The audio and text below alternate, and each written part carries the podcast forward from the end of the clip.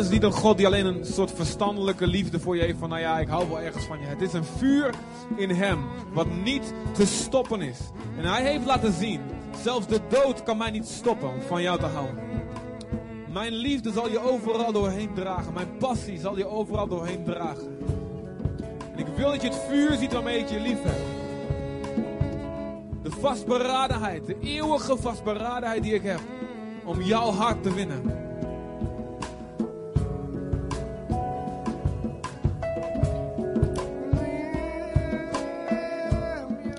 Laat uw vuur op dit moment in ons ontbranden, Vader God. Heilige Geest, Heilige Geest, ontbrand met uw vuur. Ontbrand met uw vuur in ons hart. Ontbrand met een liefde, met een passie, met een hartstocht uit de hemel. Hier zijn we, hier zijn we. Ontbrand in ons, ontbrand in ons.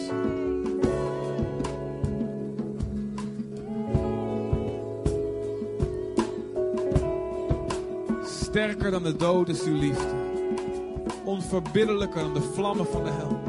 Sterker dan de hel is uw liefde.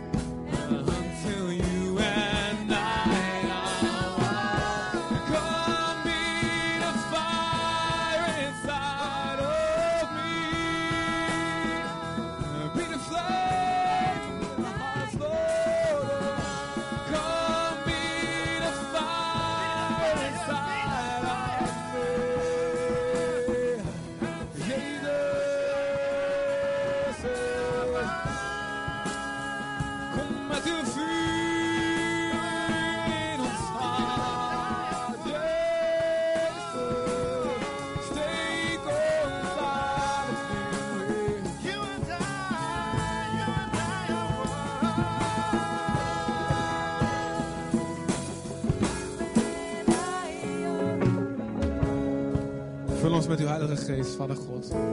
Een stroom, Heer. Stroom ons met uw liefde. Je laat ons u voelen, Heer. We weten dat we niet moeten leven op gevoel. We, weten dat, we blijven ook geloven als we het niet voelen, Heer. Maar het is wel fijn om u te voelen. En u wil dat ook, Heer.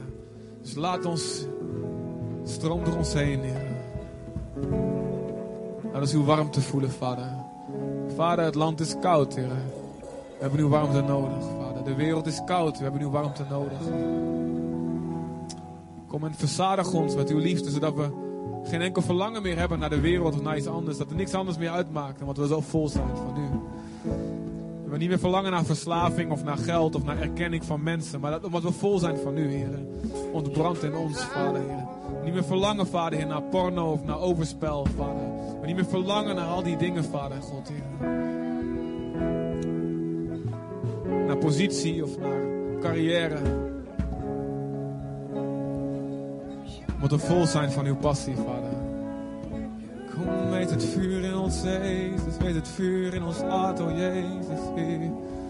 Dank u, Vader.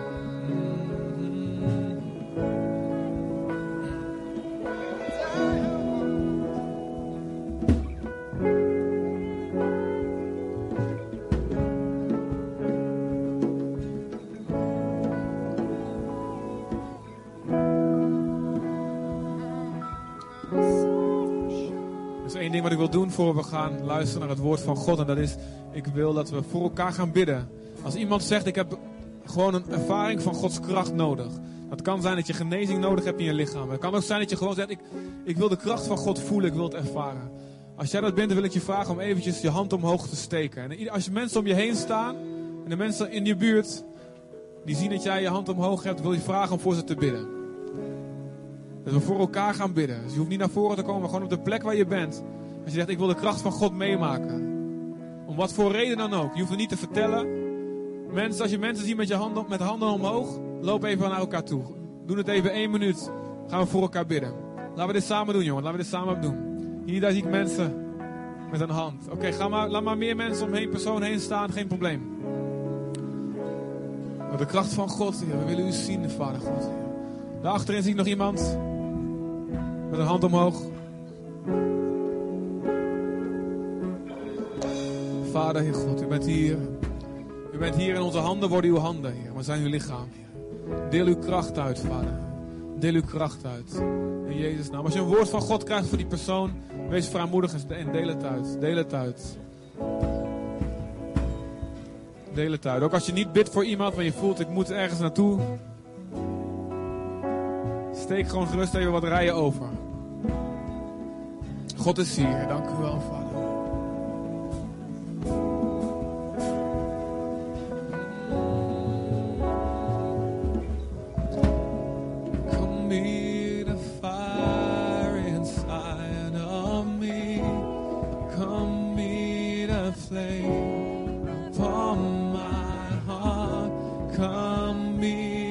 Fire inside of me.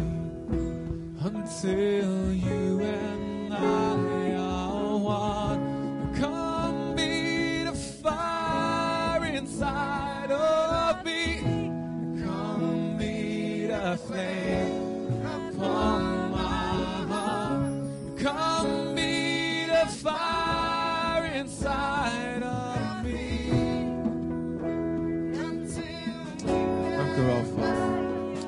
Dank u wel voor uw vuur, Vader. Dank u wel dat u mensen aanraakt op dit moment. Geneest in hun lichaam.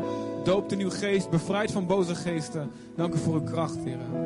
Dank u voor uw kracht, Vader God. U bent zo goed. Dank u, Heer.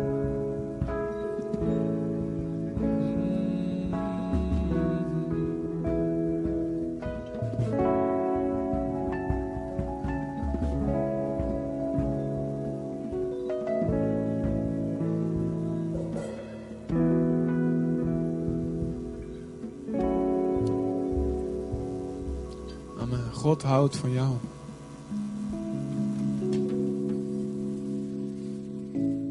Met vuur in zijn ogen houdt hij van jou. De liefde voor jou en voor mij was de enige kracht die hem naar het kruis toe kon drijven. Hij had het niet gedaan voor een grote som geld. Of voor een nieuwe planeet erbij. Hij deed het. De liefde voor ons hem er naartoe. Dat is wat we waard zijn. Amen. En dank u wel, Heer God. Amen. Oké. Dank jullie wel, lieve muzikanten. En eh, dank jullie wel ook aan de jeugdmensen die ook meegezongen hebben. Te gek. Oké, als je door wil bidden naar de dienst, kan het altijd. Met alle plezier. Oké. Nou, laten we.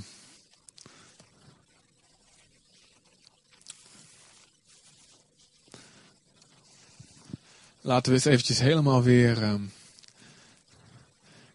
aan de ene kant in de hemel blijven, in onze geest. Aan de andere kant ook een beetje weer contact maken met de aarde. Door eens. ehm, wilt je allemaal eventjes. ehm, je hoofd een beetje zo. Wat is het, 180 graden even draait en over de stoel naar achter kijkt. Kijk eens eventjes. En dan zie je allemaal achterhoofden natuurlijk. Oh, dat werkte niet. In mijn hoofd ging het anders. Wat ik eigenlijk wil zeggen is, kijk eens om je heen en geef elkaar eens een dikke knuffel of een hand of een zegening. Stap eventjes stap even uit je rij. Als je eraan toe bent tenminste, als je zegt, ik ben echt aangeraakt door God. Ik blijf, blijf gerust even zitten. Maar goed even wat mensen, ook als je wat nieuwe mensen ziet. Zeg even hallo tegen elkaar. Misschien, eh, misschien zijn, zijn je kinderen allemaal naar de kinderdienst en zit je in één keer in een rijtje alleen. Ga eens gezellig naast elkaar zitten. Ga eens even naast iemand anders zitten.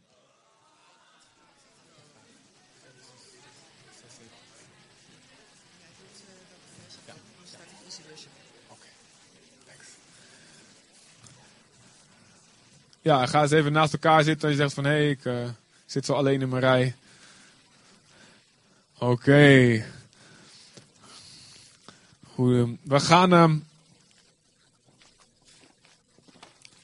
is één ding wat ik vergeten ben nog ehm, eh, jullie aan te herinneren. Dat is dat er vanmiddag in Arnhem het WK Wereldkampioenschap Levende Standbeelden is. Eh, met Carla Veldhuis. Daar kun je naartoe. Gratis. Halleluja. En ehm, van 1 tot 5 in de binnenstad van Arnhem. En eh, daar kun je Carla aanmoedigen. Die staat daar dus. Niet haar afleiden, oké? Anders dan wint ze niet. Ja, niet kietelen, geen, eh, niet haar handen opleggen of luid in tongen biddend voor haar omheen gaan. Dat moet je niet doen, oké? Want ze moet wel winnen natuurlijk. Oké. Maar de jeugd mag niet, want die moet naar de chillmiddag. Amen, oké. Als we je zien in de stad vanmiddag, jongen, je krijgt even langs. Oké, we hebben vorige week gekeken. Nee, nee, dat is niet waar. Vorige week hebben jullie een ontzettend goede preek gehad van Carlino. Wie is blij met Carlino? Halleluja. Hij is er niet, dus je kunt heel hard. Hey, zeggen. Arenda geeft het wel door. Hij is goed of niet dan. We hebben een sprekers in de gemeente en ik geloof dat er. Ja, er zitten er nog veel meer en eh, het gaat allemaal openbaar worden. Dan kan ik vast met pensioen. Halleluja.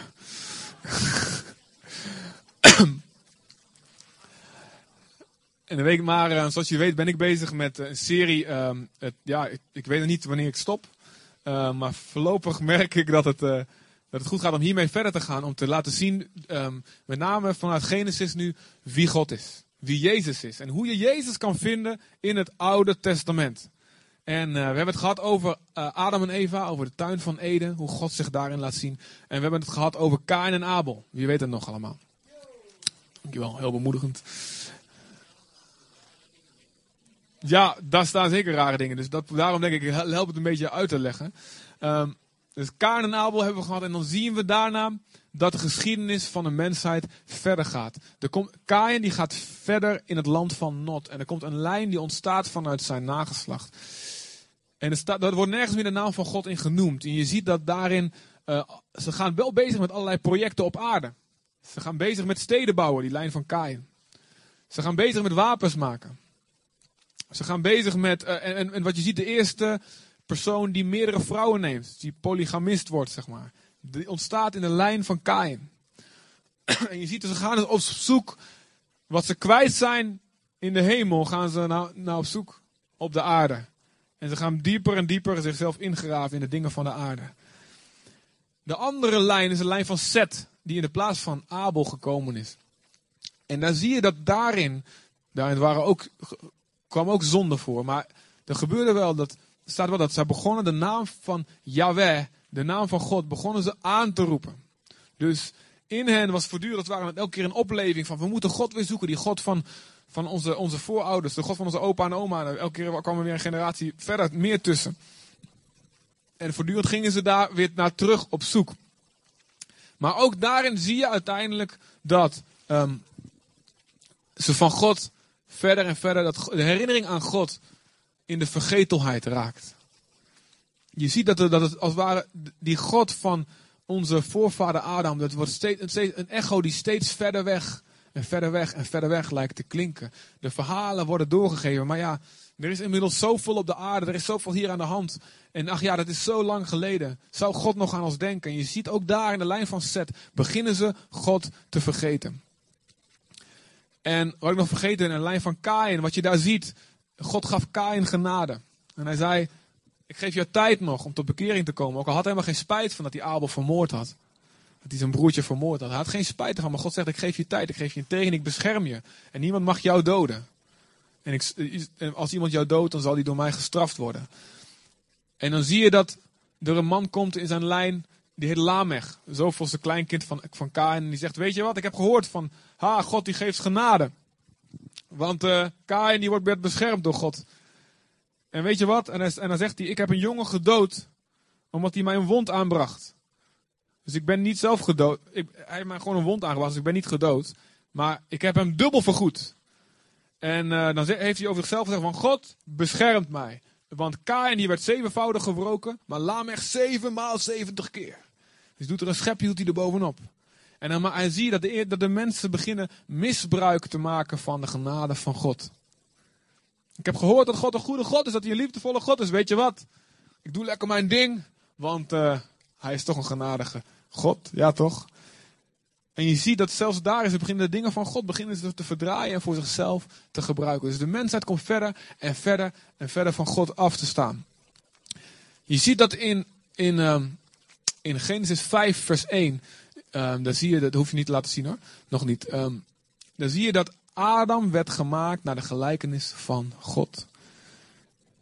Maar dan zie je daarna, twee versen verder, Adam kreeg een zoon niet naar de gelijkenis van God, maar naar zijn eigen gelijkenis. Dus de lijn gaat nu verder, zonder het, beeld van God wat steeds verder vervaagt en vervaagt. En dan komen we aan in Genesis 6, en dan wil ik met jullie gaan lezen. En dat gaat over Noach en de zondvloed. Een heel bekend verhaal. En ik dacht nog van, nou zal ik eh, deze hele zaal vol stoppen met allemaal dieren. Maar ik heb toch op het laatste moment afgeblazen vanochtend. Grapje.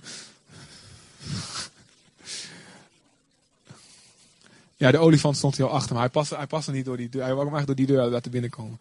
Maar goed, Genesis 6. En dan wordt ook ehm, gestraald voor jullie. Genesis 6 vanaf eh, vers 1. Zo kwamen er steeds meer mensen op aarde, ze kregen dochters. En ehm, nou, het is, ehm, ik heb even getwijfeld welk stukje ik wel of niet voor zal lezen. Ehm, dit stukje, weet je wat, sla, het maar even over. We slaan het even over. Dank jullie wel. Ik zal het gewoon vertellen, anders dan duurt het te lang. Jullie mogen het thuis helemaal even lezen, Genesis 6, 7 en 8. Ehm, maar wat hier staat beschreven is dat, dit is een beetje een mysterieus stukje. En er staat dat de zonen van God naar beneden kwamen. Die zagen dat de dochters van de mensen er heel goed uitzagen. En ze begonnen die mensen tot vrouw te nemen. En ze verwekten kinderen en die kinderen werden reuzen. Het is een heel mysterieus stukje. De zonen van God, wie zijn dat? En heel veel uitleggingen voor. Maar wat mij tot nu toe het meest overtuigd heeft, is dat het engelen zijn. Die lichamen eh, van mensen aannamen of overnamen of, of, of een nieuwe aanname. Ik weet het niet. En dat ze kinderen verwekten. En dat die kinderen die werden reuzen.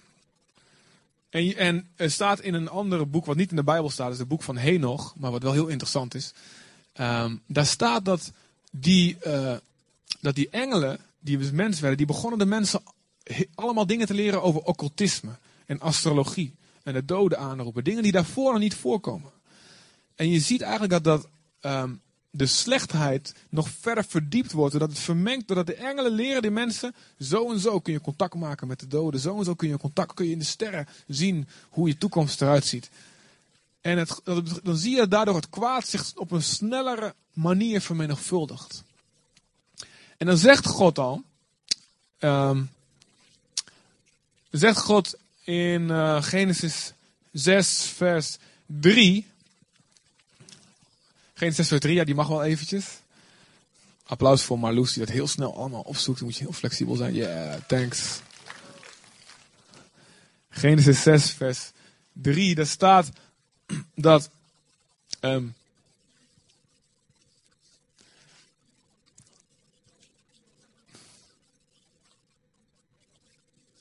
nou, weet je wat, ik lees hem vast even voor en als hij verschijnt, dan, eh, dan zien jullie dat vanzelf.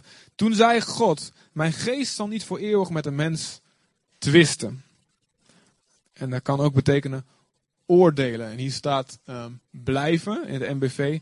Maar eigenlijk staat daar, eh, ik, zal niet, ik, ik ga niet eeuwig de mens voortdurend straffen en oordelen en met ze twisten. Dat is eigenlijk wat er staat. Want hij is immers niets dan vlees. Hij mag niet langer dan 120 jaar leven. De mensen leefden 900 jaar, 800 jaar. Ehm, daar is een hele aparte verklaring. Allerlei verklaringen zijn daarvoor. Ehm, goed, dat staat allemaal niet in de Bijbel, maar het is allemaal wel goed uit te leggen. Ik mag eerst zeggen, het is echt geloofwaardig dat die mensen in die tijd zo lang leefden. Het klimaat was totaal anders, het regende niet. Dus eh, er wa- was, was een soort watergewelf boven de aarde. En wat geen wolken waren. Dus het was allemaal heel anders. Je mag zelf een keertje lekker eh, studeren wat dat allemaal is. Ik heb wel wat theorieën gelezen. Heel interessant. Ga ik er niet mee belasten. Maar dit is voor mij echt geloofwaardig. Die mensen hebben echt zo lang geleefd. En maar God zegt, ik wil niet dat ze zo lang meer gaan leven. Wat gebeurt er als iemand kiest niet met God te leven en een hard hart krijgt? Je kunt nu al zien wat er gebeurt als mensen gemiddeld 80 jaar leven, wat er gebeurt op aarde. Stel je voor als mensen tien keer zo lang leven met hetzelfde hart. En steeds slimmer worden en meer kennis opstapelen met zo'n hart. Wat gebeurt daar? Ik denk, en, en, zo zie je dat God zegt: Ik breng een oordeel over de mens. Ik kort hun leeftijd in. En zo zie je dat iets wat lijkt op een oordeel, lijkt op een straf, dat het eigenlijk Gods liefde is. Maar hij doet dat om de aarde te beschermen. En ik weet zeker, als zulke slechte mensen zo lang voortdurend leven, voor je het weet, jongens, zijn er weet ik hoeveel atoombommen afgegaan. Omdat het gewoon niet goed gaat. Dus zo zie je dat als God straft, is dat altijd vanuit zijn liefde. Amen. Het is een goede voor je om, om te onthouden. En dan, en dan zie je in hoofdstuk in, in, in vers 6. Vers 6. En dit staat in de MBV niet zo mooi, maar goed, ik zal het eh, even uitleggen. Hij kreeg er spijt van dat hij mensen had gemaakt. En voelde zich diep gekwetst. Want God zag dat wat de mensen, de slechtheid van de mensen op aarde groot was. En dat al de gedachtenspinsels van zijn hart elke dag alleen maar slecht waren. En God kreeg spijt dat hij de mens had gemaakt. En er staat, hij voelde zich diep gekwetst. En eigenlijk staat er, het sneed hem door zijn hart. Het krenkt hem diep. Dus het, het, het kwetste hem. Het brak hem van binnen. Kun je je voorstellen? Gods hart. Gesneden. Kapot gemaakt. En, en de Bijbel beschrijft hier God alsof hij een mens is. Alsof hij het niet zag aankomen. Hij wist dat natuurlijk. Maar hij zei, dit kan niet zo langer doorgaan. En dan zie je in eh, vers 7, volgende vers. Mhm. Ik zal de mensen die ik geschapen heb van de aarde wegvagen, dacht hij. En met de mensen ook het vee, de kruipende dieren en de vogels, want ik heb er spijt van dat ik ze heb gemaakt. En maar in vers 8. Maar alleen Noach vond bij de Heer genade. En daar gaat God spreken tot Noach. In vers 9 staat er even iets beschreven over Noach. Dit is de geschiedenis van Noach en zijn nakomelingen. Noach was een rechtschapen man. Hij was in zijn tijd de enige die een voorbeeldig leven leidde. In nauwe verbondenheid met God. Hij had drie zonen, Sem, Gam en Javet. In Noachs tijd was de aarde in Gods ogen vol geweld, volgens mij. Verdorven en vol onrecht, ja. Ja? Toen God zag dat de aarde door, de, door en door slecht was, dat iedereen een verderfelijk leven leidde, zei hij tegen Noach: Ik heb besloten een einde te maken aan het leven van alle mensen. Want door hen is de aarde vol onrecht. Ik ga het vernietigen en de aarde erbij. Vers 14. Maak jij nu een ark van pijnboomhout. En dan komt er een beschrijving. Maak dan daar verschillende ruimte in en bestrijk hem van binnen en van buiten met pek.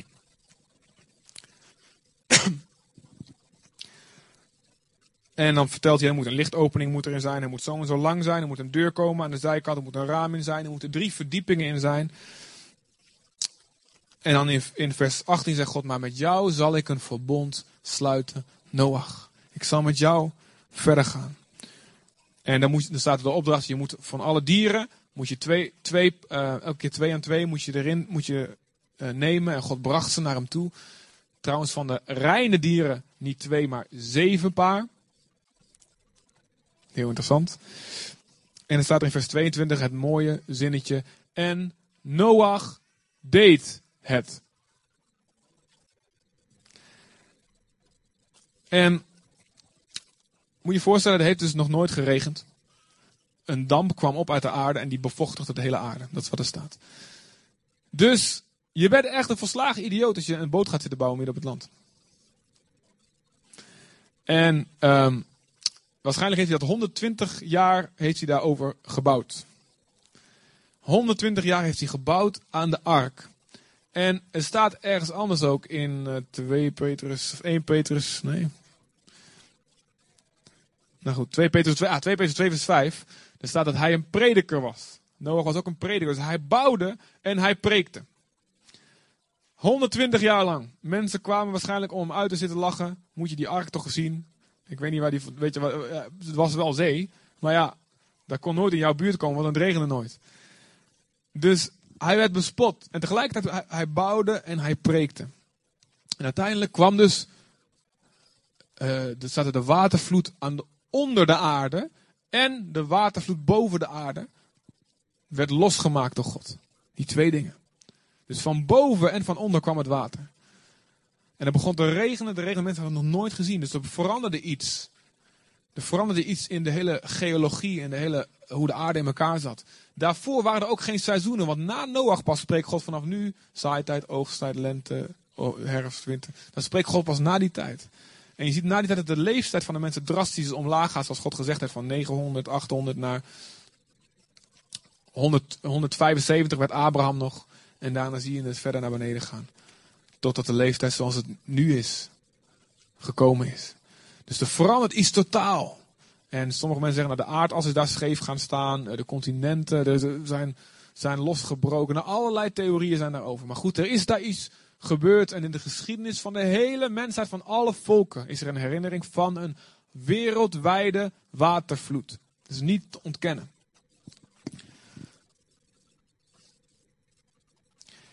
Oké, waar is Jezus te zien in dit hele plaatje? Ten eerste, Jezus is de ark. Amen. Wie snapt hem al? Ja. Dus hij werd gebouwd van hout. En hij werd ingesmeerd met pek. En het uh, grappige is het woord voor, wa, wa, wat vertaald wordt als pek. Uh, dat was dus ook ja, uh, praktisch bedoeld om voor het water niet naar binnen kwam. En, en ook die stank van die dieren, daar schijnt allemaal goed voor geweest te zijn. Of juist tegen te zijn. Hè. Maar dat woord in het Hebreeuws is kofer. En het woord is hetzelfde woord wat gebruikt wordt als een losprijs wat je betaalt voor je leven als je vrijgekocht moet worden. Dus wat, wat je betaalt voor de verzoening van je zonde. Het hout wordt ingesmeerd met je losprijs voor jouw leven. Jezus is gestorven aan het hout van het kruis. En hout staat ook voor de menselijke natuur. Dus die twee dingen, Jezus die mens werd en Jezus die stierf aan het hout. En, en het wordt ingesmeerd met jou, jouw losprijs. Met de prijs die betaald wordt om jou als slaaf vrij te kopen. Jezus is de ark waarin wij kunnen vluchten. En er staat dat alle bergen in de, in, onder de hele hemel werden bedekt door het water. Er was geen plek meer waar niemand, niemand kon ergens anders heen vluchten. Behalve naar de ark. Onder de hele hemel, alle bergen werden bedekt. En zo zegt, zo spreekt het verhaal ook over Jezus is de enige toevlucht. Als het einde gaat komen, als God zegt nu is het te erg en nu moet ik iets doen aan al het onrecht op de aarde. Dan is de enige plek waar er naartoe gevlucht kan worden Jezus. Er is geen berg op aarde hoog genoeg waar je naartoe kan vluchten wat je zal kunnen helpen. Je geld gaat je niet helpen. Je goede werken gaan je niet helpen. Niks zal je helpen. Behalve Jezus. En dat is de enige plek waar je heen moet vluchten. Dus Jezus is de ark.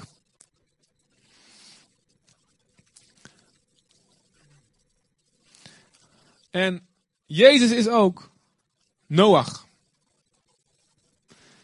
Er staat zijn, zijn ouders, die gaven hem de naam Noach. En uh, die dachten van, hij zal een vertroosting worden. Hij zal een vertroosting worden die, misschien is hij wel de beloofde Messias. Die, waar God had gesproken tegen Eva. Maar hij was het niet zelf, maar hij werd wel een beeld van de Messias. Hij was degene die, door wie uiteindelijk de hele mensheid door kon leven. En iedereen die leeft, allemaal, kijk eens om je heen, al die kleuren die je ziet. Kijk eens serieus even om je heen. Mooie kleuren, hè? mooie, allemaal verschillende mensen. Allemaal heb je het DNA van Noach. Amen. Het is heel belangrijk. Sommige mensen zeggen van ja, de zondvloed die was lokaal en niet wereldwijd. Nou, ik geloof echt dat het wereldwijd was. oh, buienradar. Wat komt daar nou weer aan? Goed. Ik denk dat je buienradar hebt als het nooit geregend heeft. Wat zou het hebben? Dampradar, weet je wel. Maar, oh, er komt veel damp bij jou uit de, grond binnenkort. Oké. Iedereen heeft DNA van Noach. Iedereen.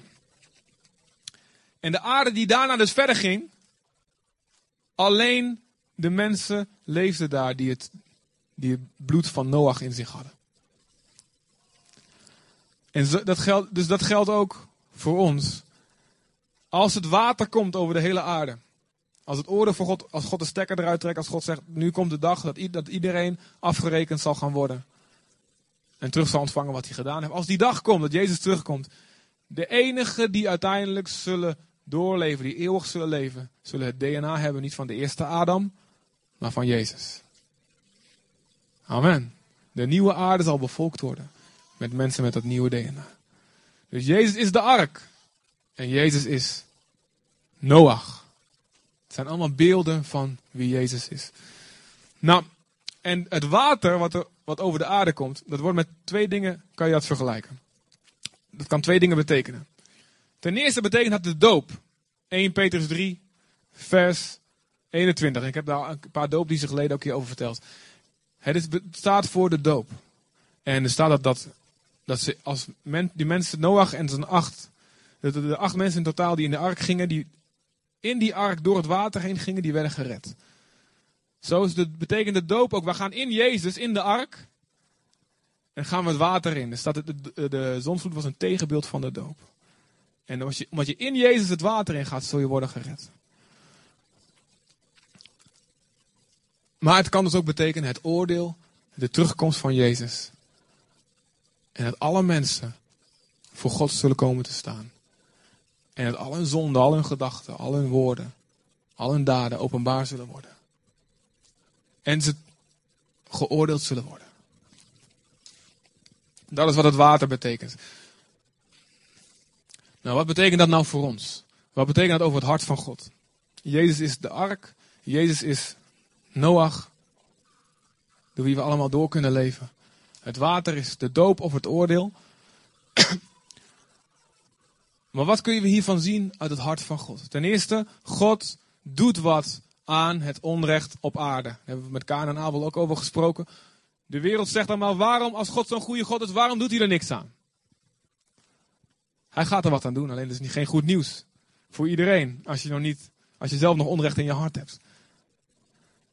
God heeft dus geduld en God geeft tijd. Dan wil ik je één ding laten zien. De, de man die het langste leefde in de hele geschiedenis van de Bijbel. Wie was dat? Wie weet dat? Even een quiz. Even met z'n allen. 1, 2, 3. Wie was dat? Methusalem of Methusalach. Nederlanders houden wel van de g. Dus. Dus De man die het langste leefde. Wie weet ook hoe lang die leefde? 1, 2, 3. Vet. Jullie zijn goed. Dat was cool. 969 jaar. Daarom zeggen ze, hij was zo oud als Methusalem. Dat was, zou nog wat zijn op een eh, seniorenavond in de gemeente daar. Ja, senioren is alleen voor mensen boven de 900 hoor. Ja, anders zijn ze nog veel te jong. Kun je nagaan, al die zitten nou te strijden over, ja, mogen we met pensioen nou op 65 of op 67? Stel je voor dat ze toen met 65 op pensioen gingen, dan had je echt dikke pre- AOW-premie moest je betalen, echt serieus. Ja, ik ben al de laatste 750 jaar met pensioen, joh, lekker. Jonge mensen, maar werken al. Goed, 969. Niet cool. Ja, zouden in Griekenland dan ook zo lang doen? Ah, Oké. Even al. 969. Wie weet wat de naam van Methuselem betekent? Die wordt dan moeilijker. 1, 2, 3. Wie weet het? Haha, heb ik toch gewonnen van jullie allemaal. Ah, ik heb, ik heb voorkennis. Luister, Methuselem betekent zijn dood zal brengen. Nu snap je het, hè? Met andere woorden, als hij sterft, zal het gebeuren. Methuselem's vader was Henoch. Henoch wandelde met God. Henoch was een profeet. Hij werd opgenomen en hij was er niet meer. Ze hoeft hem niet te begraven. Hij was er niet meer. God hield zo van hem. Zei, "Ik- die moet ik nu bij me hebben. Kom binnen. En oh, hij is in de hemel. Een beetje te hard geknuffeld door de Heer. En ik ben weer weg. Cool, wil ik ook. Kom maar. Maar hij, hij, hij wandelde dus met God. Hij was dus profetisch. Dus hij kon Gods stem verstaan. En God zei tegen hem: Noem je zoon. Als hij sterft, zal het gebeuren. Al, want Henoch wist: Als mijn zoon die nu geboren gaat worden, als hij sterft, dan komt het oordeel over de aarde.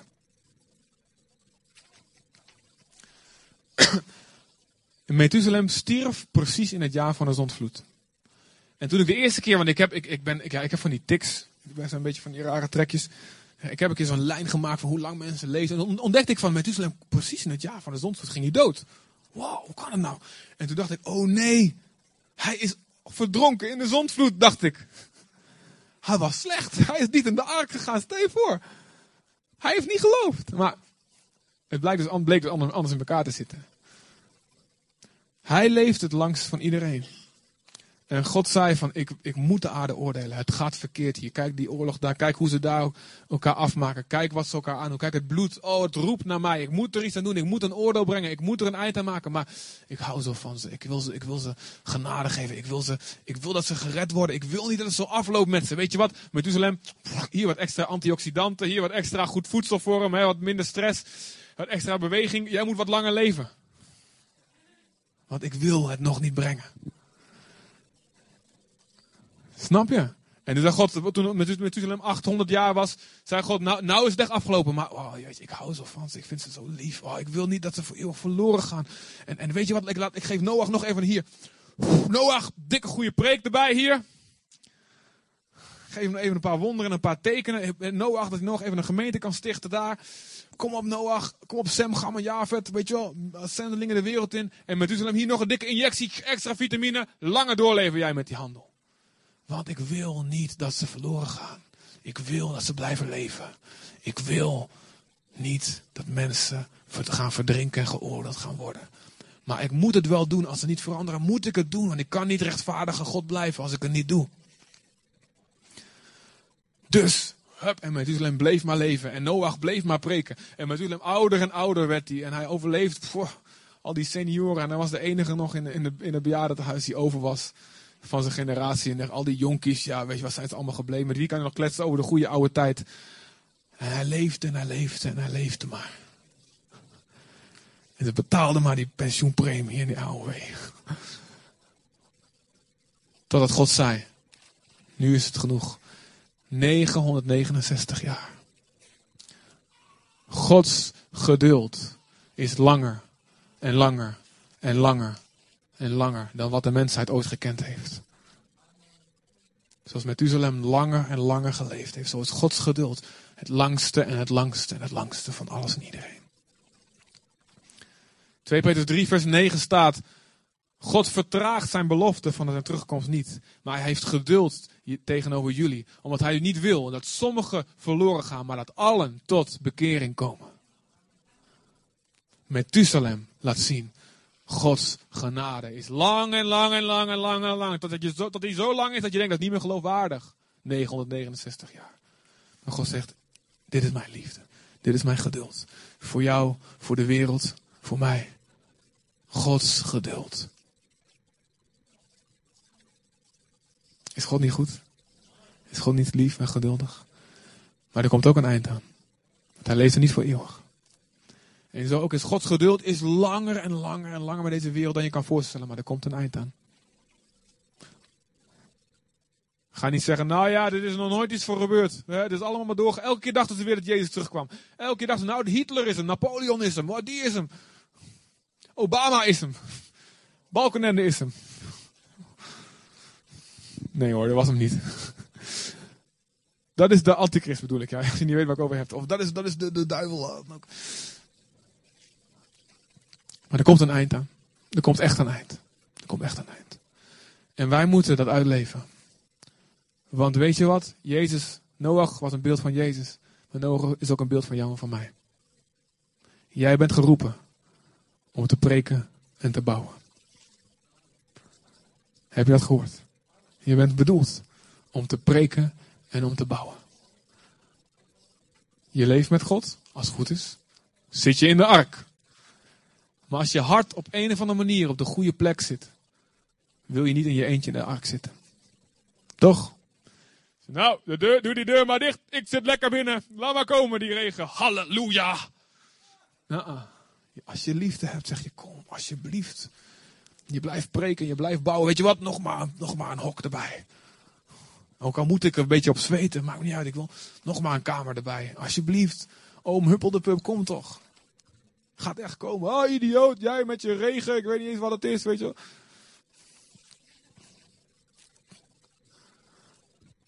Je bent geroepen om te preken en om te bouwen. Je bent geroepen om te preken dat God heel lief is. Dat God heel veel geduld heeft. Maar dat er wel een einde komt aan zijn geduld. Er is wel een einde. Je moet dat vertellen. Dat God van de wereld houdt, God houdt van de hele wereld. Maar liefde betekent niet automatisch vergeving. Liefde betekent ik geef jullie tijd om tot bekering, om te veranderen. Ik geef je tijd om het onrecht uit je leven weg te doen. En ik stuur je mensen. Dus de liefde van God betekent Methuselem en Noach. Geduld, langer, langer en langer. En Noach, die je komt vertellen. En die je laat zien met zijn leven. Wie God is. Dus jij bent geroepen om te preken. Dus jij bent geroepen om, met een heel moeilijk woord, te evangeliseren. Oeh, wat een eng woord is dat. Oh, wat een naar woord voor sommigen. En wat een leuk woord voor anderen. Ehm, ik vond er vroeger ook niks aan. Kwam ik eh, in de stad en ehm, kwam ik uh, met, met niet zo moeder met mijn vrienden door de stad. En dan in één keer bij de HEMA hoor je zo'n vaag bekend geluid. En je had het kunnen weten waar dat vandaan komt, want je hoort het elke zondag. Maar niet, je hebt het niet door en je loopt dichterbij en je loopt, loopt dichterbij. En in één keer ontdek je van, man, dat klinkt wel verdacht veel op die gitaren die ik zondag ook in de kerk hoor. Dat, klinkt wel, dat lijken wel opwekkingsliedjes. En voor je het weet, sta je midden voor de HEMA in Deventer met je vrienden. En dan, oh nee, het is mijn kerk die aan het evangeliseren is. En mijn vader en moeder staan ertussen. En voor je weet beginnen ze te roepen, kom maar erbij, kom maar erbij. En al je vrienden weten dat jij bij die gekke secte hoort voor de HEMA. Oh, kan ik nog een uitweg nemen? Kan ik nog snel een winkel induiken? Oh, het is te laat. Dit is echt gebeurd, behalve nou dat ze dat, dat, dat, kom maar, dat heb ik erbij verzonnen. Want ik ben echt op tijd een winkel ingedoken. Ik had een hekel aan evangeliseren. Alsjeblieft zeg, een beetje jezelf voor gek zetten. Waarom? Omdat ik niet geloofde dat het water eraan kwam. Ik geloofde wel in God. Maar ik geloofde Methuselem, die blijft eeuwig leven, joh. Die heeft stiekem van die boom van het leven gegeten. God, geduld, gaat wel door en door. En ik had geen idee dat Methuselem op een gegeven moment ook. En toen ik zag dat ik zelf niet veilig was, dat ik zelf nog die, helemaal die ark nog niet in was. En toen ik dat wel dus begon te doen, toen ik dus inzag, ik heb ook Jezus nodig. Ik heel snel die ark ingerend, heel snel Jezus ingerend. En toen was de enige logische gevolg, omdat ik uit dankbaarheid voor God, ik was zo dankbaar voor God, maar en ik, en ik begon te houden van mensen, wat ik daarvoor niet deed. Dacht ik van, als ik van ze hou, moet ik ze vertellen. Dat ze ook die ark in moeten. En wat begon ik te doen bij diezelfde vrienden, voor wie ik, voor wie ik me eerst schaamde dat er überhaupt geëvangeliseerd werd, verteld werd. Ik begon ze te evangeliseren. En ik begon met ze af te spreken. Ik zeg, als je, weet je, ik moet je wat vertellen, dit is mij gebeurd. En, en, en, en sommigen lachten me uit en de anderen zeggen, hé, hey, dat is interessant. Sommigen heel weinig, die zeiden ook, ja, dat wil ik ook. En die kwamen weer naar de kerk. Ehm, maar ik wist gewoon, ik moet het ze vertellen. Ik moet het ze vertellen.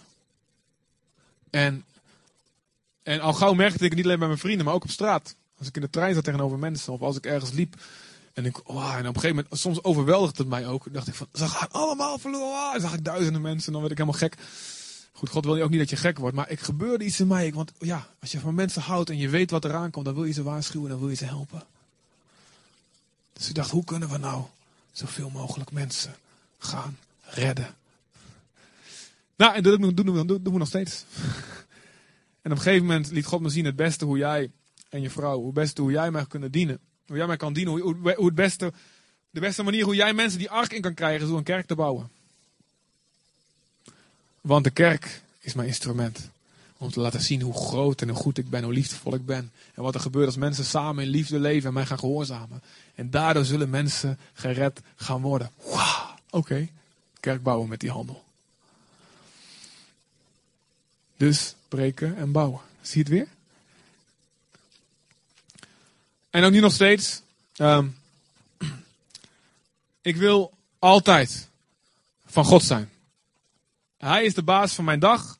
Hij is de baas van mijn agenda. Hij is de baas van mijn lichaam. Hij is de baas van mijn mond. Hij bepaalt of ik praat of niet praat, wat ik doe of wat ik niet doe. Ja, toch? Jullie ook, toch? Of niet? Jullie zijn allemaal gedoopt. Ja, ja, ja. heb je allemaal getekend. Oh, balen. Ja, ja, echt waar. Je kunt er vertrouwen. Het is goed. Dus eh, vorige week was ik in Waddinxveen en ehm, heb ik gepro- ge- geproken daar. En, ehm, en ehm, onderweg terug naar huis, ik helemaal vol van de glorie, weet je, een goede tijd gehad. Ik dacht, ik ga lekker, eh, lekker naar huis. Onderweg, koppeling doet het niet meer, bij Utrecht. Dus die auto langs de weg, ehm, wegenwacht sleept hem over de snelweg. Erg gevaarlijk man, die gast die ging keihard. en de auto moest daar blijven en er werd uiteindelijk naar Zutphen gesleept. En toen moest ik dus met de trein naar huis. En, met ik, maar ik was echt moe, weet je. Als je preekt, smiddags, ja, niet altijd, maar meestal ben ik echt, heel erg helemaal geen zin meer in. Nerg- en ik had nog niet gegeten, het was al vier uur, ik dan wachten. Ik was vier uur, vijf uur, had nog helemaal niet geluncht. Ik Ik had echt helemaal nergens zin in. En ik zat in die, op die tram te wachten en er kwam een man aanlopen. En ik voelde ergens van, ik moet met hem praten. Ik moet met hem praten. Maar ik dacht, ik heb echt geen zin. Heer, ik heb, net, ik heb net al gepreekt. Ik ben klaar voor vandaag, weet je wel. Mijn duty, mijn taak zit erop vandaag. maar toen dacht ik gewoon mezelf, nee, nee, ik ben niet van mezelf. Ik ben van hem. En ik heb geen zin, maar dat maakt niet uit. Als God zin heeft, dan gaan we ervoor. Dus ik begon met hem te praten en ik dacht, het is een, een, bleek een beetje op, een, op een, iemand uit Noord-Afrika of zo, Marokkaans. Dus ik dacht, het zal wel een moslim zijn. Maar het bleek een, een Braziliaan te zijn. En eh, dus ik, ik, ik, ik, ik stelde een vraag die ik helemaal niet, ik wilde helemaal geen vraag stellen, maar goed. Weet je hoe lang deze tram duurt voordat hij bij Centraal is? Wilde ik hem, ik kon echt niks schelen hoe het duurde, maar ik wou gewoon iets beginnen. En hij, maar hij, oh, ik, sorry, ik versta geen Nederlands en in het Engels en dan gauw va- vader verder in het Spaans. Bleek het hij een zoon te zijn, zoon te zijn van een, een ouderling, een, eh, een soort presbyteriaanse ouderling in Brazilië. Die al een tijd, hij was al een tijd God kwijt. Maar waarschijnlijk waren zijn ouders ergens in Brazilië voor hem aan het bidden. En ik begon met hem te praten en ik vertelde hoe God in mijn leven was gekomen. Dat ik ook een tijdje weg was geweest van God. En ook mijn ouders ook voorgangers waren. En connectie. God sprak. Ik, en eh, zijn vrienden gebleven. Houden contact. En ik weet, God heeft gespro- kunnen spreken. Daarna kon ik lekker een kopje Starbucks nemen op Utrecht Centraal. Halleluja. Dus, ik ben niet van mezelf. Ja, die was. ja. Ik ben niet van mezelf. Jij bent niet van jezelf. Maar je bent geroepen om te preken en om te bouwen. Amen. Maar eh, om even jullie te bemoedigen, het gaat ook mis. Want vanochtend was ik, eh, liep, ik, eh, liep ik een rondje buiten om te bidden. En ehm, toen kwam ik ergens langs. En er kwam een jongen aan met een tas. En ik wist weer hetzelfde gevoel. Ik moet met hem praten. En ik moet hem vertellen. Weet je, God wil dat je vandaag naar de kerk gaat. En ik had net deze preek voor, een beetje voorbereid in gebed en zo. En ik dacht van, nou ja, het zal wel niet. En ik twijfel, twijfel, twijfel. Dus ik verder loop en toen dacht ik, nee, ik moet het gewoon doen. Ik ga er straks over preken. Echt stom als ik het nou niet doe. Echt fout. En toen keek ik om, was hij weg. Kon ik hem niet meer vinden. En toen zei God, oké, bemoedig de mensen ook maar dat, je ook, dat het ook niet altijd goed gaat. Zodat jullie je ook niet slecht voelen als het een keer misgaat. Amen, zijn jou bemoedigd? Ja. Maar waar het om gaat is, ben je erop gericht of niet? Om te vertellen. Je hoeft niet te perfect te kunnen praten. Kan gewoon met je kromme woorden, mag het ook. Maakt niet uit. Ja, hè? Cool, hè? maar praat. Praat, praat. Doe het. En redeneer het niet weg. Dat wat veel mensen doen. Ja, het idee dat alle mensen uiteindelijk verloren zullen gaan als ze niet in die ark zitten, als ze niet in Jezus zitten. Dan kan je echt, daar kan je soms slapeloze nachten van hebben. Ja, absoluut. Het voelt soms ongemakkelijk. Ja, absoluut. En sommige mensen, sommige christenen, gaan dan voor zichzelf wegredeneren. Ach ja, misschien is er in een andere religie ook wel redding mogelijk. Ah, misschien is de hel helemaal niet zo erg en is het niet eeuwig. Zodat ze zelf niet meer die verantwoordelijkheid hoeven voelen. En dat is niet goed. Dat is niet eerlijk. Dat moet je niet doen. Amen. En wat je ook niet moet doen, is je, je moet ook niet delegeren naar andere mensen. Ja, daar hebben we de afdeling evangelisatie in onze gemeente voor die dat doet. En zij, ik geef, weet je wel, ik geef het geld en zij mogen het doen. Nee, aha. Ook jij. Want jij kan mensen bereiken die niemand kan bereiken. Behalve jij alleen. Dus ga ervoor. Preken. En soms dan loop ik ook. Soms loop ik met Nathalie door de stad. En is ze weg. En staat er met zo'n hele gevaarlijke jongen staat ze te praten. En van die jongens waarvan ik denk van, dit is, daar moet je echt niet mee gaan praten. En dan, en dan, is, en dan zie ik haar op een afstandje, zie ik en ik schrok. Ze zit helemaal zo, da, da, da, da, tegen die jongens. En die jongens zo. Ik kan even bij zijn en even kijken of het goed gaat. Maar die jongens helemaal van, wauw, helemaal onder de indruk en respect. En ja, dat klopt, je hebt gelijk en zo en zo.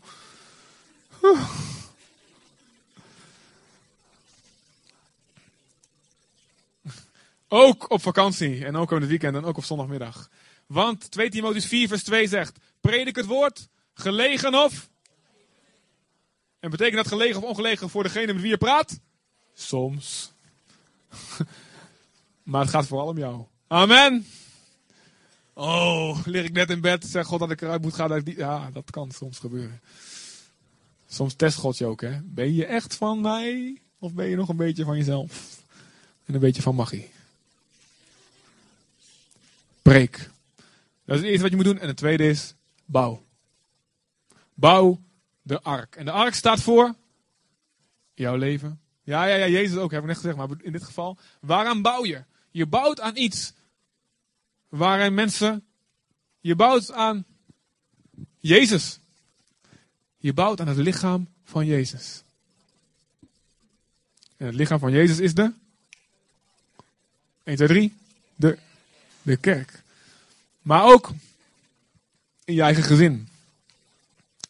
Kun je de handen en voeten van Jezus. Kun je bouwen. Kun je daaraan bouwen. In je eigen leven. In je eigen karakter. De liefde die je hebt. Het geduld wat je hebt. De vergeving die je laat zien. De wijsheid met hoe je leeft. Het voorbeeld wat je bent. Als je daaraan bouwt. Je bouwt aan de ark. Het werk in de kerk. Het je wel aanmelden als kinderwerk als God dat je gesproken hebt net. Je bouwt aan de ark. Je bouwt aan een plek waar mensen Jezus kunnen vinden. Je bouwt aan een lichamelijke manifestatie, aan de vleeswording van Jezus op deze aarde. Het geven van geld, het geven van je tijd, het geven van je talenten, het geven van je creatieve ideeën. Aan dat, dat wat God aan het bouwen is. Je bouwt aan de ark. Want weet je, sommige mensen hebben niet alleen een preek nodig. De meeste mensen hebben niet alleen een preek nodig, maar ook ze moeten zien dat er iets gebouwd wordt. Even heel snel drie Bijbelse voorbeelden. De koningin van Seba die kwam naar Salomo. En die zei, ik heb gehoord dat Salomo, dat die gasten zijn hartstikke wijs. Maar ik geloof het niet. Ik geloof het niet. Ik wil zelf gaan kijken. En ze ging kijken en ze ging hem op de proef stellen met moeilijke vragen. Ze ging kijken hoe zijn paleis eruit zag, hoe zijn dienaren liepen, wat voor eten ze aten. En, en al die raadsels loste die op en ze zag alles is uitmuntend. En toen zei ze, ik heb nog niet eens de helft gehoord van wat ik hier gezien heb. Jouw God is de echte God. Mensen moeten niet alleen een preek horen, ze moeten het zien. Dus daarom moeten we preken en bouwen. Jacob, zijn tien zonen, zeiden: Jozef leeft nog, Jozef leeft nog. Na al die jaren dat hij dacht dat Jozef dood was.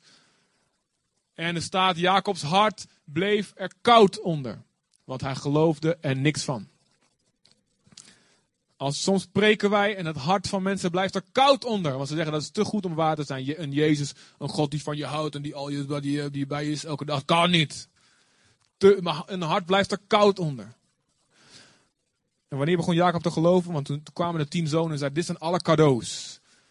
Die Jozef ons heeft meegegeven als onderkoning in Egypte. En toen zei Jacob: Wow, dikke kamelen vol goud en cadeaus en al die dingen. En toen zei hij: Oké, mijn zoon Jozef leeft nog. Ik ga meteen mee naar Egypte. Mensen moeten zien wat God doet in jouw leven. De rijkdom van God moet in je leven te zien zijn. Ik heb het niet over dat alleen als je miljonair bent, kunnen mensen zien dat, je, dat God leeft. Oké? Ik heb het over de zegen, de verandering in jouw leven. De wijsheid waarmee je besluiten maakt. De genade die je geeft waar andere mensen lang boos worden. De rijkdommen die God in jouw leven brengt. Daardoor zullen mensen overtuigd raken. En de, en laatste voorbeeldje. De Melaatse die rondom Samaria buiten de, buiten de stadsmuur aan het wachten waren op de dood. En die zagen, hé, de vijand is gevlucht. Die naar het kamp van de vijand gingen. Om zich over te geven. En die zagen, hé, de vijand is weggejaagd door God. En die begonnen zich vol te vreten. En zeiden, er is eten. En binnen de, in de stad was er hongersnood. En ze aten hun eigen kinderen op. En duivenpoep. en toen kwamen die melaats aan de poort. Er is eten, er is eten, er is meer dan genoeg eten. En toen zeiden ze, het is vast een truc. Het is vast een list. Ze hebben zich verstopt en dan komen we naar buiten en dan maken ze allemaal af. En toen gingen ze een loodje trekken. En toen moest één keel, arme keel, die moest op zijn paard naar buiten, buiten de stadsmuur kijken of het echt waar was. En toen kwam hij terug en toen zei hij, dit is echt waar. En ik ben niet aangevallen. Het is echt waar, er is een kamp vol eten. En toen, de hele stad naar buiten, frat zich vol. Zo is de wereld ook. We kunnen zeggen, er is eten, er is overvloed bij God. er- Je kunt eeuwig leven, dat is hartstikke mooi. Jezus is lief, halleluja. En wat doet de wereld? Het is vast een trucje. Ze willen vast maar geld, ze willen vast zieltjes winnen. Weet je wat? We sturen er eentje. Ga jij maar even kijken hoe dat is. Of ze sturen een, een, een, een, een, een vraag, een moeilijke vraag. Of ze gaan je op je, even je geduld testen. En ze gaan je een beetje plagen. Een beetje... En als ze ontdekken dat het echt zo is. En ze ontdekken dat er echt eten is. Ze rennen naar Jezus toe en ze stampen de muur plat. Amen. Daarom zegt God: preken en bouwen. Preken en bouwen. Jij bent geroepen om als Noach te preken en te bouwen. Amen. Sluit allemaal even je ogen.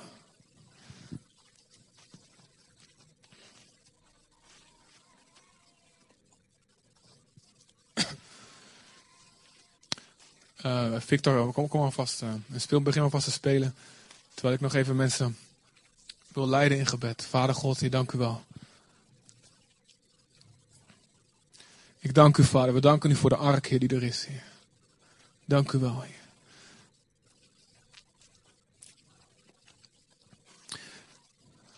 En ik wil je gewoon je eventjes je helpen. Ik wil je vragen om een vraag te stellen aan jezelf.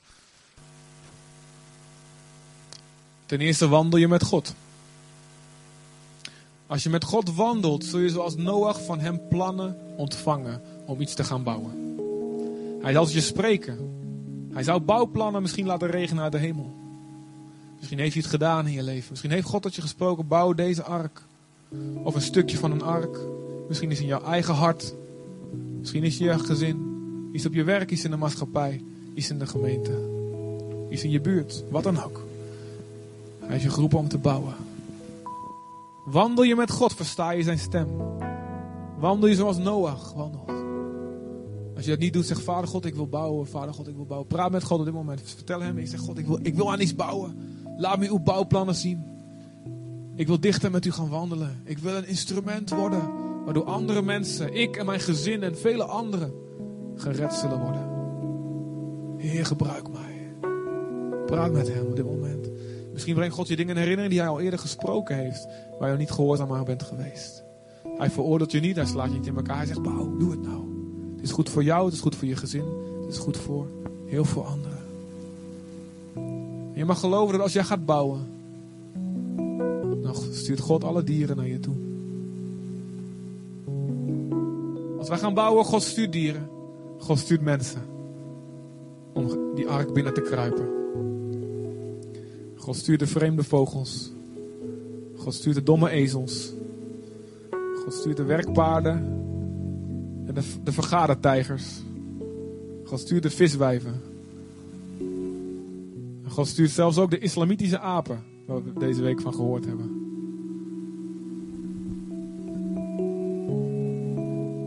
Hopelijk heb je nieuws gekeken, anders denk je, wat zegt hij nou? God stuurt de dieren. Snap je wat ik bedoel? Als jij bouwt, God stuurt de dieren. God stuurt mensen. God zorgt daarvoor. Maar bouw. Doe wat hij zegt. Sommigen van jullie zijn aan het bouwen. Je bent uitgelachen, je bent bespot. En je bent ontmoedigd. En je hebt zin om te stoppen met bouwen. Je voelt je misschien alleen. Je voelt je onbegrepen. God zegt, ga door. Ga door met wat je gezegd heb. Ga door, je bouwt en iets geweldigs. Misschien denk je van, ik zit hier te bouwen, maar mijn gezin, ik zie het alleen maar erger worden. God zegt, bouw, bouw, bouw, bouw, bouw. Misschien ben je aan het bouwen in je leven om iets ervan te maken. Je wilt het voor God doen. Maar je wordt moe. God zegt, ga door, ga door. Het zal tot zegen zijn. Misschien denk je, waar blijft die belofte van God dan? God zegt, het komt, het komt, het komt. Ga door. En sommigen van jullie, je bouwt dingen, maar je doet het om de verkeerde reden. Je doet het voor jezelf. God zegt, daar zit ik niet in. Bouw het voor mij. Bouw het niet als een project voor jezelf. Om jezelf goed te voelen, om jezelf te ontplooien. Bouw het voor mij. Geef je leven opnieuw aan mij. En wat je bouwt, laat het voor mij zijn.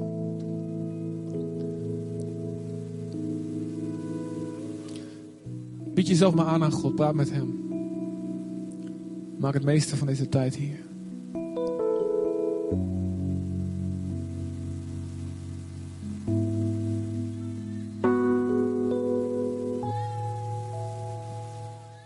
Sommigen van jullie moeten gaan bouwen in geloof. Hebreeën 11 vers 7 zegt, Noach bouwde in geloof. Hij had nog nooit regen gezien. Hij moest vertrouwen op God. En misschien moet jij ook iets gaan doen wat nog nooit eerder gezien is. Misschien wil het God, je, dat je helemaal buiten de doos, zeg maar, buiten het gewone gaat denken. En iets gaat doen wat zelfs, wat we zelfs hier in de kerk waar dan ook nooit van gehoord hebben. Moet je een pionier zijn, wat God zegt. Luister naar mij. Luister naar mij. Ook al is het in geloof. Ook al denk je dat je niet genoeg hebt. Bouw, zegt God. Mijn geduld is groot en ik wil mensen redden. Ik wil jou gebruiken. En misschien heb je het allemaal weggeredeneerd. En gezegd, ja het zal wel meevallen, die hel en zo, en dat verloren gaan, het zal wel meevallen. Maar God zegt, bekeer je van die gedachten. Je weet in je hart hoe het zit. Je weet in je hart hoe het zit. Redeneer het niet weg. Keer je niet af van hen die verloren gaan. Zegt spreuken. Sluit je ogen er niet voor. Ik zal je een bouwplan geven. Vader, hier zijn we, Heer. Hier zijn we, Heer. We willen bouwen aan wat u. aan het bouwplan wat u stuurt. We willen wandelen met u, Vader. Oh God, laat deze gemeente een ark zijn waar nog vele honderden en duizenden mensen gered zullen worden, gedoopt zullen worden en niet meer door het water van het oordeel zullen hoeven. God, ik kom en verleng uw geduld, Heer. We bidden niet, Vader God, laat maar komen, doe die deur maar dicht. En we bidden, God, laat Methuselem nog even leven, Heer. Geef hem nog wat extra vitamines. Hou hem nog op de been, Heer. Want we willen dat nog zoveel mensen gered gaan worden. We denken aan onze families, we denken aan onze gezinnen. We denken aan onze ooms en tantes, neven en nichten. Onze oude vrienden, Vader. Onze schoolvrienden. Vader, hier zijn we, God. Spreek maar tot ons, Heer. We moeten spreken, Vader God. Als we weer contact moeten opnemen met die oude schoolvrienden. Als we weer contact moeten nemen met familieleden. Afspraken maken. Heer, hier willen we gaan, Heer. Gepland en spontaan. We willen preken, we willen vertellen. Het beste doen wat we kunnen. Maak ons mensen met het hart op de goede plek. In Jezus' naam.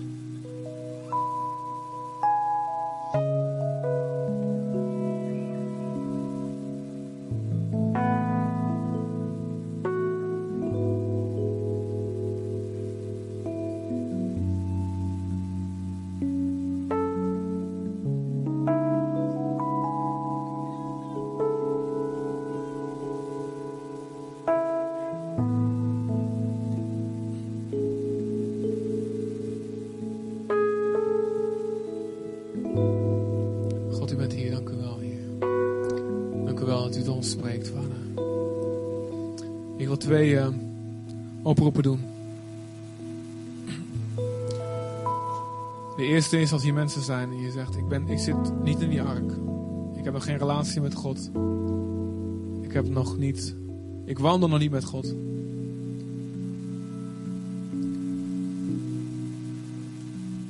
Ik heb me niet bewust gekozen om te zeggen: ja, ik ga. Ik laat Jezus mijn toevlucht zijn. Misschien kom je al heel lang in de kerk. Ben je voor de duizendste keer. Ben je er zelfs mee opgevoed. Maar je hebt nog nooit die keuze gemaakt. Of misschien ben je voor de allereerste keer hier of de tweede keer. Ik wil je nu de kans geven om die keuze te maken. En uh, ik vind het niet erg. Ik wil, het zo vaak, ik wil het zo vaak mogelijk doen. Ik vind het niet erg om af en toe voor schut te staan als er dan niemand is of wat dan ook. Maakt me niet uit. Ik wil dat elke keer die kans er is. Om je leven aan Jezus te geven. Is er iemand die zegt, ik wil dat doen? Zwaai even naar mij. Laat me even zien. Je zegt, ik wil met God gaan wandelen. Ik wil die ark ingaan.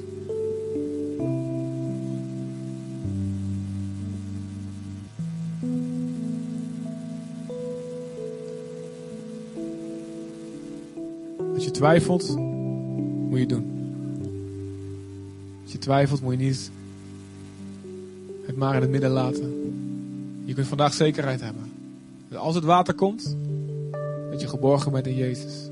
Dat je zonder vergeven zijn. Dat je niet zelf meer voor die troon hoeft komen te staan, verantwoording af te leggen. Maar dat Jezus het namens jou zal doen. Ken niemand die dat wil? Of die het nog moet doen? Is een heel goed teken op zich. Als je het toch moet doen, kun je ook na die tijd dan nog alsnog even naar voren komen en het laten weten. En de tweede oproep die ik wil doen. En dus niet zozeer om naar voren voor te komen, maar het om aan God, aan God kenbaar te maken. Als jij zegt, ik heb me eigenlijk nog. Ik, heb, ik ben eigenlijk. Het kan zijn of nog nooit, of je bent het kwijtgeraakt. Ik ben eigenlijk niet zo bewust bezig met gebruikt te worden door God om andere mensen te redden. Ik heb mijn hart daar een beetje voor afgesloten, een beetje verhard. Of ik heb het eigenlijk nooit zo gezien, kan ook. Als jij zegt, ik wil bereid zijn om door God gebruikt te worden, om een ark te gaan bouwen en om te gaan preken. Dan wil ik je straks vragen om te gaan staan over een paar, seconden. Gewoon als een uiting naar God toe. Zo van, ik beslis hiervoor, ik kies hiervoor. Dat betekent dus dat je zegt, Heer God, ik, ik, ik wil mezelf aan u geven. Met name mijn agenda. Dat als je op je hart voelt van, hé, hey, die en die. Ik, ik, misschien iemand uit je verleden is met hoe het bij mij heel vaak werkt. Ik probeer zoveel mogelijk af te spreken. Liefst één keer in de week, soms één keer in de twee weken. Soms iets minder als ik heel druk ben. Ik probeer zoveel mogelijk af te spreken met mensen die ik nog, ja, waar ik gewoon vroeger vrienden, goede vrienden mee ben geweest. Ik zolang ik nog een ingang heb, misschien verhuizen ze over een tijd, of zijn ze misschien heel snel dood. Ik weet niet. Zolang ik nog ingang heb, ik wil in hun leven aanwezig blijven. En als je, als je egoïstisch denkt, dan denk je van ja, ik heb niet zoveel meer aan die vriendschap. We hebben niet zoveel meer gemeen, zo veel meer gemeen als vroeger. Weet je wel, laat maar verwateren. Maar kies voor sommige, sommige mensen kies ik heel bewust. Om, ondanks dat ik denk van ja, eigenlijk hebben we niet zoveel meer gemeen. Zolang ze nog willen, zeg ik, hey, zullen we afspreken? Zullen we koffie drinken? Zullen we even gaan lunchen? Zullen we even gaan wandelen? En zo hou ik een ingang in de levens van die mensen. En het lijkt alsof ja, doe je alleen maar vriendschap om zieltjes te winnen. Ik zeg nee, ik hou van ze. En ik ben ook heel eerlijk tegen ze. Ik zeg joh, hey, ik hou van je en ik geloof hier en hierin. En snap je dat het voor mij heel logisch is dat ik met je wil vertellen, praten over Jezus? Ja, snappen ze bijna allemaal. Is heerlijk ontspannen ook. Ik wil lekker eerlijk zijn. Je hoeft niet stiekem te doen. Maar het betekent dat je als, je als je zegt ik ga staan, ik wil gebruikt worden door God. Ik wil een Noach zijn. Ik wil een ark gaan bouwen. Ik wil gaan preken en bouwen. Dat je zegt, God, mijn agenda is van u en ik ga dat doen. En als God mensen op je hart geeft, soms geeft, mensen, soms geeft God dromen over mensen. Dan denk je, hé, hey, met hun moet ik afspreken. Dat betekent je soms je Facebook, je vriendenlijst even afgaat en zegt, hé, hey, die. Zo gaat dat. Of je adresboekje als je oldschool bent. Maar, en dat betekent ook als je, als je ergens onderweg bent en je hebt even helemaal geen zin. En je loopt ergens. Dat je niet afsluit voor de stem van God, maar je zegt: God, moet ik naar die persoon toespreken? Ook vind je het heel eng. God zal je vrijmoedigheid geven. Misschien geeft hij wel een wonder, joh. En het hoeft niet altijd perfect te gaan, want God snapt dat. God snapt dat we sommige dingen spannend vinden. Maar als je ieder geval zegt: Ik ben beschikbaar. En ook als ik één keer gemist heb, ik ga gewoon door. Kijk, als jij dat wil doen, dan wil ik je vragen om nu te gaan staan. Gewoon te zeggen tegen God: Ja, Heer, ik ben beschikbaar. Gebruik mij. Laat mijn leven een ark zijn. Laat wat ik bouw een ark zijn. Stuur de rare vogels maar naar me toe. Stuur die dieren maar. Je hoeft helemaal niet te weten hoe. Je hoeft helemaal geen plan te hebben. God, God zorgt voor het plan. En ook als je het nou niet zeker weet, je hoeft niet te gaan staan en wat de rest gaan staan. Gewoon, maakt niet uit. Niemand gaat gek naar je kijken. Iedereen snapt Dat je eh, soms gewoon even in je relatie met God even ergens kan zitten van ik weet het even niet of wat dan ook. God snapt dat. Wees eerlijk. En misschien kom je erachter als je, misschien voor sommigen beter als je even thuis even nadenkt en zegt nou ga ik thuis staan als ware. Ga gewoon thuis, ga je God staan. Oké, nu kom ik ook. Weet je wel? Geen probleem. Heel relaxed. Vader, hier zijn we, Heer God. U ziet ons, Heer. Oh, Vader, we willen niet bezig zijn met onszelf. Niet alleen iets bouwen voor onszelf en ons gezin en dan naar onze zondvloed, Heer. God, we willen iets bouwen, Vader, waardoor u mensen kan redden. God, we, u weet dat we niet weten hoe, Vader. U weet dat we denken, ja. Dat we eigenlijk geen idee hebben. Maar u heeft een plan. U heeft een plan, Heer. U kan ons leven een wonder maken. U kan deze kerk een wonder maken in Zutphen en in Nederland. Kom, Heer. Hier zijn we, Heer. Zullen we samen zingen, een stukje van een liedje? Ehm 398 volgens mij is het liedje. En het gaat, hier ben ik, Heer. Vul mij, vorm mij, leid mij. En het laatste, zend mij.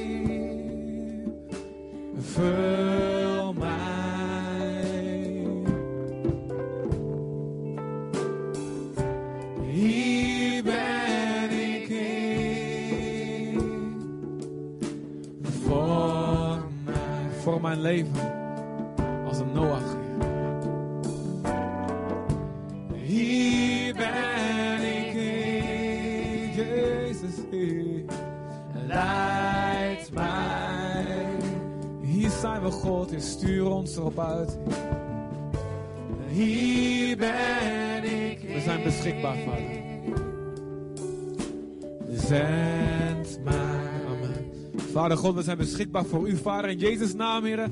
Kom, Heer, over de hele aarde, Vader. Nog niet met uw oordeel, Vader. Maar kom, Heer, met een regen van genade, Vader. Kom met een regen van genade. En gebruik ons, Vader. Gebruik onze kerk, Vader. Gebruik, Heer, onze gezinnen, Vader. Gebruik onze levens in de naam van Jezus, Vader. Heer, en verlen uw geduld, Vader. Heer, met onze familie, Vader. Met onze buren, met onze steden, met ons land. In Jezus' naam, Vader God, Heer. En kom, Heer. Kom met uw genade, kom met uw liefde, Heer. God, laat zoveel mensen, zoveel duizenden mensen Jezus gaan vinden. Op wat voor manier dan ook. God, kom met een tijd van doorbraak en genade. In de naam van Jezus en gebruik ons, Vader. Gebruik ons, God, Heer. Oh, ik. Oh, Jezus, hier zijn we, God. Dank u, Vader. Oh, Jezus, Heer. Oh, God. Voor onze kinderen, voor onze ouders, voor onze broers en zussen. Voor onze neven, nichten, ooms en tantes. Voor onze buren, onze collega's, onze klasgenoten, vader. Voor de buitenlanders, voor de Nederlanders, vader. Voor de verre landen, voor hen dichtbij, vader. Kom, laat ons spreken en bouwen in uw naam, Jezus. Halleluja, vader. Amen. Amen, oké. Oké, Victor, heb je nog een mooi missionair lied of zo? Een beetje vrolijk.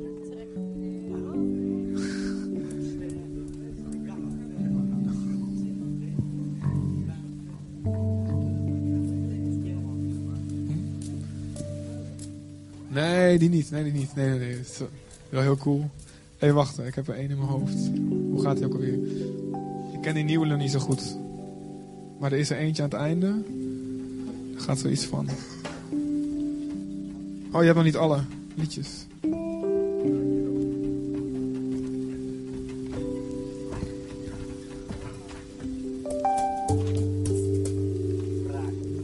Hoe gaat hij iets van. ehm, hoe gaat hij nou? Wie weet wat ik bedoel? Niemand, hè? Gaat, ehm, Nee, die is, nee, die is, die is, nee, die is echt te oud. Die is te oud. Ehm. je weet wat ik bedoel. Jij weet wat ik bedoel, hè? Jij voelt hem, hè?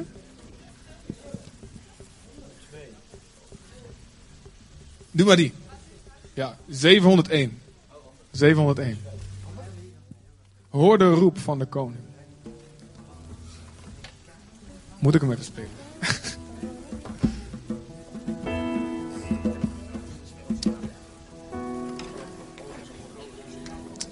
Ken die van hoogste koning? Hier zijn wij om te gaan.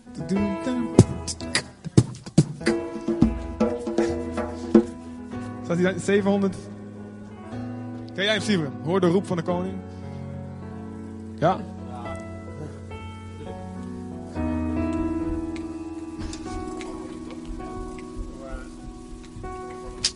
Doe ze gewoon een andere, wat een opstandige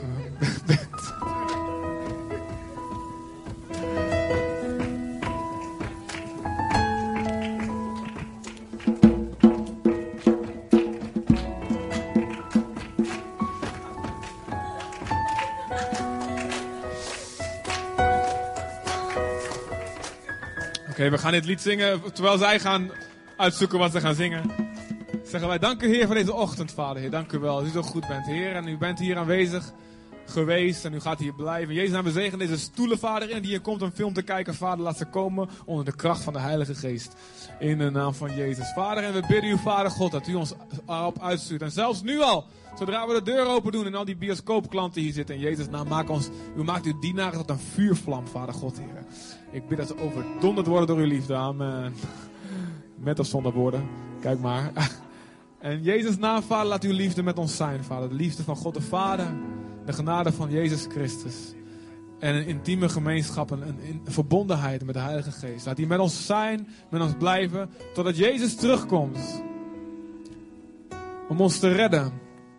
En om de wereld te oordelen. Vader, wees met ons in uw kracht. Met wonderen en tekenen. En met een kracht die niet aan onszelf komt. In Jezus' naam, wees gezegend. Amen.